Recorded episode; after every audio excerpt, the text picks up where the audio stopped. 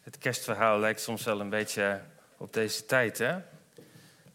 Alles ging anders dan verwacht. Alles ging anders dan gehoopt misschien ook wel. Jozef en Maria die waren gedwongen op reis. En ehm, hun kindje moest geboren worden in de stal. En daarna moesten ze vluchten voor geweld. Het kerstverhaal vertelt dus dat God, dat Jezus, komt in onze chaos. Ehm, en Jezus kwam niet naar deze wereld uh, toen alle problemen waren opgelost. Hij kwam niet als het antwoord op al onze vragen, maar weerloos als een, als een klein kind dat tederheid, zorg en eerbied oproept. En zicht op Jezus begint met verwondering. En het reddingsplan van God om uit de kwaadcrisis te komen start met Jezus. Zijn geboorte in een stal, stro, een voerbak, gevolgd door zijn leven in de kracht van God. Liefdevolle woorden die levens veranderen, wonderen, tekenen, genezing, bevrijding. Het reddingsplan vindt de climax in het lijden en sterven van Jezus aan het kruis. Bruut vermoord door mensen. Maar dat is ook het moment dat hij de duisternis de kracht ontneemt, de vijand ontroont. En met als eeuwig gevolg verzoening met God. Jezus in jou door zijn geest. Dus zicht op Jezus is verzoening met God. De geest van Jezus die in ons mag wonen en mag werken, is net als een mRNA-vaccin dat ons lichaam eigenlijk triggert om antistoffen aan te maken. De geest van Jezus wil ons triggeren om in ons denken antigedachten tegen het kwaad te ontwikkelen. Gedachten van liefde en vrede in plaats van haat en wrok. Gedachten die de aandacht verschuiven van onszelf naar de ander. De geest van Jezus die triggert ook ons voelen van binnen. Met gevoelens van hoop, vreugde, blijdschap. In plaats van wanhoop en somberheid. En dat is goed nieuws. Dit reddingsplan van Jezus is goed en betrouwbaar. Het is goed nieuws om eindelijk uit de kwaadcrisis te komen. Het zicht op Jezus is het goede nieuws aanvaarden, heel persoonlijk. Die boodschap van kerst is goed nieuws. En uh, het kerstverhaal is vandaag onze nieuwsbron. En je vraagt misschien af hoe zo'n oud verhaal uit de Bijbel uh, nog nieuws kan genereren. Hoe kan het nog relevant zijn in deze tijd? Maar we hebben het over een nieuwsbericht dat uh, meer dan 2000 jaar geleden, eigenlijk sindsdien, nog steeds viral gaat. En zelfs eerder dan dat, want wetenschappers hebben de vroegste manuscripten van Jezaja, die al geprofiteerd heeft over de geboorte van Jezus, um, zo'n 800 jaar voordat Jezus werd geboren, uh, als nieuwsfeit opgeschreven. Je kan het bijvoorbeeld lezen in Jezaja 7, vers 14. Zie, de maagd zal zwanger worden en zij zal een zoon baren en de naam Immanuel geven. Dat is een verwijzing naar de bijzondere geboorte van Jezus. En de naam Immanuel betekent God met ons. Dit nieuwsbericht over het reddingsplan van God is voor alle generaties bestemd. En het is nieuws dat steeds weer wordt doorgegeven. En uh, James uh, Chapman, dat is een Amerikaanse onderzoeker, die heeft uh, onderzoek gedaan naar het, de meest gelezen boeken. En uh, de Bijbel staat daar nog steeds met stip op één. Er zijn enkele miljarden exemplaren van verkocht. En dit boek gaat nog steeds viral, ook op dit moment. Dus uh, het boek wordt meer gelezen dan alle tweets die op dit moment viral gaan of alle filmpjes die je misschien op TikTok uh, langs ziet komen. En ook de, de Bijbel-app van uh, YouVersion die heeft onlangs uh, gevierd dat ze honderden miljoenen downloads hebben. En misschien uh, heb je wel de serie The Chosen uh, ontdekt. Dat is een serie over het leven van Jezus, die eigenlijk de evangelie in beeld brengen. En ehm, daar zijn al meer dan 160 miljoen downloads van. En in, in het Westen voel je je als christen misschien een, een minderheid, maar deze cijfers die liggen er niet om. En je bent niet de enige die dit nieuws aanvaardt en tot zich neemt. De Bijbel leeft en verandert nog dagelijks levens. Dat is geen low statement, maar echte realiteit. En misschien denk je wel van ja, dat kan je nou wel makkelijk zeggen. Um, vraagt dat niet om een factcheck? Nou, dat is een hele goede vraag. Ik heb een opdrachtje voor de tieners en de kids. Um, misschien kunnen jullie um, op internet uitzoeken hoe vaak de Bijbel nou verkocht is. Ik zeg dat het het meest verkochte boek is, maar hoeveel zijn dat er dan precies die wereldwijd verkocht worden? En ik noemde net ook die Bijbel-app. Nou, hoe vaak is die nou precies gedownload? Je kan je antwoord sturen naar uh, Paulien. Er staat ook een QR-code in beeld en een telefoonnummer. En uh, ik hoop dat jullie um, de feiten goed kunnen verifiëren. Want uh, je moet natuurlijk wel oppassen wat je allemaal aanneemt en wat je gelooft. Wees niet naïef in deze tijd, zou ik zeggen. Maar goed, als jij zicht wil krijgen op het reddingsplan uit de dagelijkse kwaadcrisis, dan is het lezen van de Bijbel, het goede nieuws, een goede start. En misschien kijk je voor het eerst naar onze livestream. Um, ik weet niet uh, wie je bent of wat je gelooft. Um, misschien ben je op zoek naar zingeving. Um, misschien ben je op zoek naar God in deze crisistijd. En zicht op Jezus krijgen begint met zijn woorden te lezen. Dan mag ik je uitnodigen om die Bijbel-app te downloaden en begin eens te lezen uh, met het Johannesevangelie. Dat is uh, heel toegankelijk geschreven. Of, of kijk de serie The Chosen, waar, waar ik het net over had.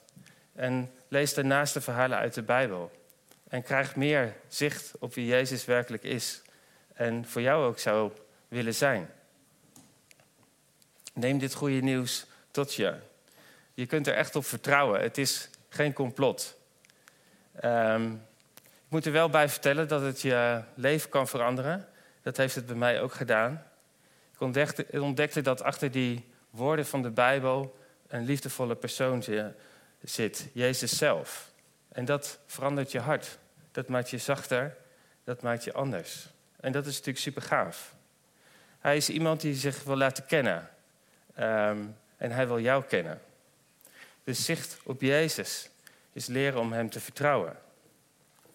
En Jezus is niet zomaar een influencer die zijn onechte leven en zijn rijkdom en zijn status deelt omdat hij gesponsord wordt. Nee, hij deelt wie hij echt is. Hij deelt zijn hart en dat wil hij met jou delen. En je kunt echt op hem vertrouwen en hem persoonlijk leren kennen. Je verandert dan niet van de buitenkant met allerlei interessante lifestyle dingetjes, maar je verandert echt van binnen. Hij is niet een influencer die alleen maar met zichzelf bezig is in zijn eigen lifestyle-bubbel. Nee, hij wil echt weten wat er in jou omgaat.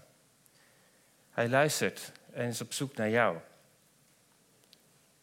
Je kunt hem ook echt volgen en liken met je hart. je karakter zal misschien gaan veranderen. En niet dat je nou compleet iemand anders wordt, maar meer een vernieuwde, een echtere versie van jezelf. Een update, een 2.0 zou ik zeggen. Je gaat meer lijken op Jezus. De zicht op Jezus is Hem volgen in een veranderproces. Nou, hoe dan, vraag je je misschien af. Je hebt zicht op Jezus nodig om te weten wie Hij is. Nou, dan heb ik misschien eerst een vraag voor je. Heeft iemand jouw persoonlijkheid wel eens vergeleken met een dier? En wat zouden ze dan zeggen? En ik hoop dat je je dan ook een beetje mee kan identificeren. Want niet, iedere, niet elk dier die heeft ook uh, een fijne associatie. Maar in de Bijbel lezen we dat het karakter van Jezus wordt vergeleken met een leeuw en een lam. De leeuw is de koning van het dierenrijk, die staat voor kracht en macht. En het lam staat voor kwetsbaarheid en opoffering. En met kerst staan we stil bij Jezus, die als kwetsbaar kindje uh, naar deze wereld kwam. En dan zien we hem eigenlijk als lam. wat spreekt jou het meeste aan? Is dat uh, Jezus als leeuw of Jezus als lam? Maar als we echt zicht willen krijgen op wie Jezus is, op zijn karakter, dan is het belangrijk om die beide bij elkaar te houden. Jezus als leeuw en Jezus als lam. Sterk en kwetsbaar. Winst door verlies. Vechten en opofferen. Heersend en dienstbaar.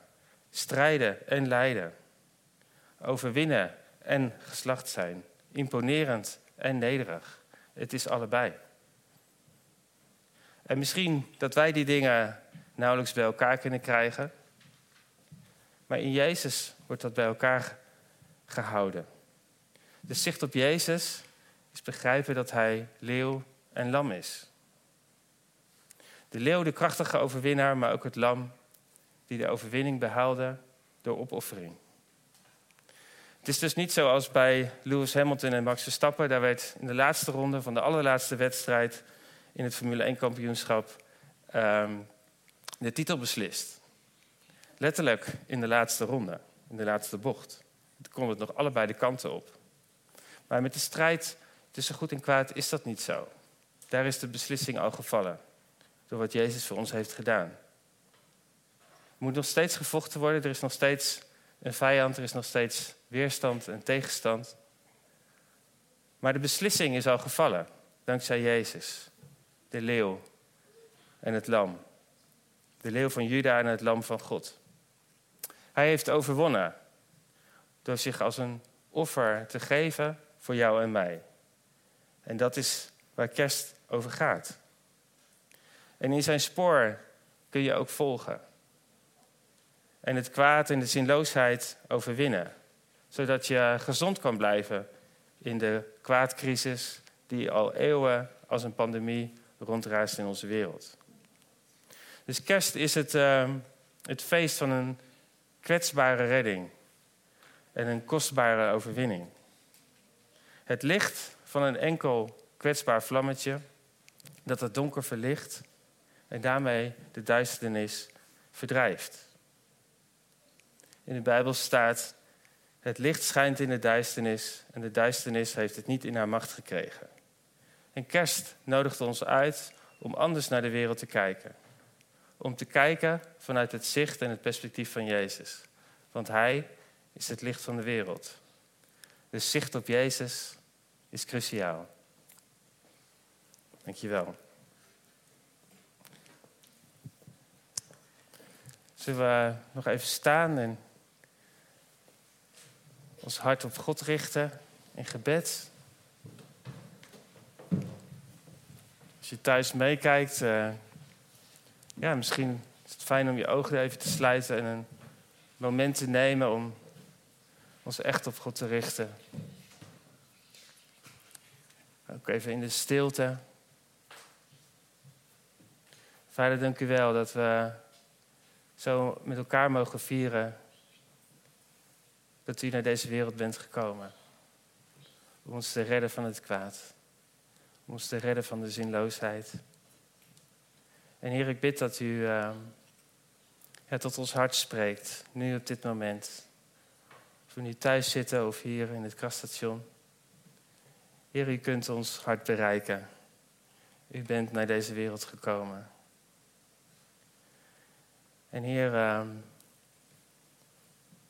Heer, alles wat we met ons meedragen, Heer, dat uh, heeft u willen dragen voor ons.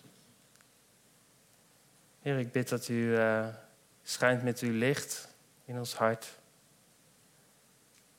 Heer, er zijn misschien plekken waar het licht al schijnt en er zijn plekken waar het wat duister voelt. En Heer, help ons om die plekken ook in uw licht te brengen. En misschien kijk je naar deze livestream en ja, heb je het gevoel dat God je aanspreekt, misschien wel voor het eerst. Ja, dan zou ik je willen uitnodigen om, uh, om daar ook woorden aan te geven. En ja, zeg maar tegen Jezus dat, dat je de deur van je hart open wilt doen. Dat je hem ja, binnen wil laten komen.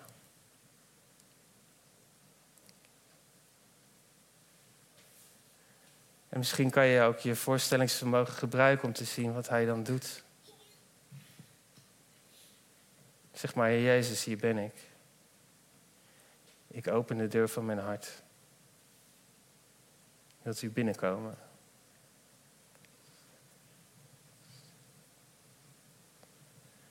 En ik zeg je met Gods liefde. En ik zeg je ook met iemand die, ja, waar je misschien ook wel over na kan praten. En die je verder kan helpen. Heer Jezus, mag het zo kerst worden in ons hart, Heer, dat u